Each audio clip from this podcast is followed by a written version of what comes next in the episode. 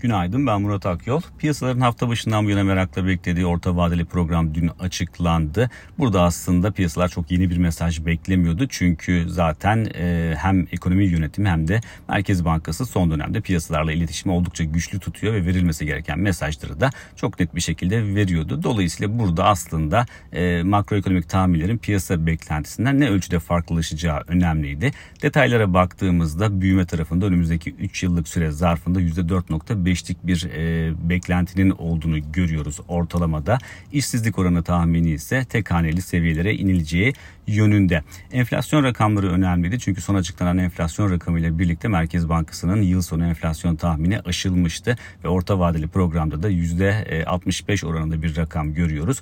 Merkez Bankası'nın bir sonraki enflasyon raporu Kasım ayında yayınlanacak. Dolayısıyla o raporda da çok büyük ihtimalle bu seviyeye yakın bir revizyon görme ihtimalimiz söz konusu olacaktır.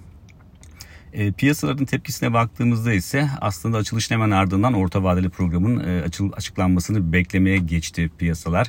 BIST endeksi e, ağırlıklı olarak 8150-8300 puan bandında band hareketi sergiledi. Orta vadeli programın açıklanmasının ardından da çok ciddi bir değişim görmedik. Aslında volatilite arttı fakat bu bandın içinde kalındı ve günü de zaten yine bu band içinde e, kapattık. E, burada önemli olan 8000 puan seviyesinin üzerinde kalıcı olunması. Burada kaldığımız müddetçe yukarıda daha önceki paylaşımlarımızda da dikkat çektiğimiz gibi 8350 puan seviyesine kadar hareket alanı söz konusu. Dolayısıyla 8000 puanın savunulması kısa vadede e, oldukça önemli. Bundan sonraki süre zarfında haftanın geri kalanında özellikle e, kredi derecelendirme kuruluşlarından gelecek açıklamaları yakından takip edeceğiz ki zaten Cuma günü de Fitch e, Türkiye'nin kredi notu ve görünümüne dair bir güncelleme yapacak. Güncelleme yapması bekleniyor. Orada e, sık sık vurguluyoruz.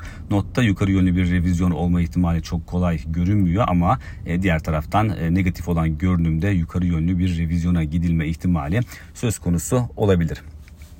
Yurt dışına baktığımızda ise yurt dışında özellikle ABD tahvil faizlerinin son günlerde açıklanan e, ki ISM hizmet endeksi ve fabrika siparişleri verisi piyasaları piyasa beklentisine kıyasla daha iyi bir tablo çizdi. Bu e, makroekonomik verilerin etkisiyle ABD tahvil faizlerinde yukarı yönlü bir eğilim görüyoruz ki bu da zaten risk iştahını limitleyen e, bir unsur olarak çalışıyor. FED toplantısından yaklaşık iki hafta kaldı ve o toplantı öncesinde merkez bankalarının bugün yoğun bir konuşma programı olacak.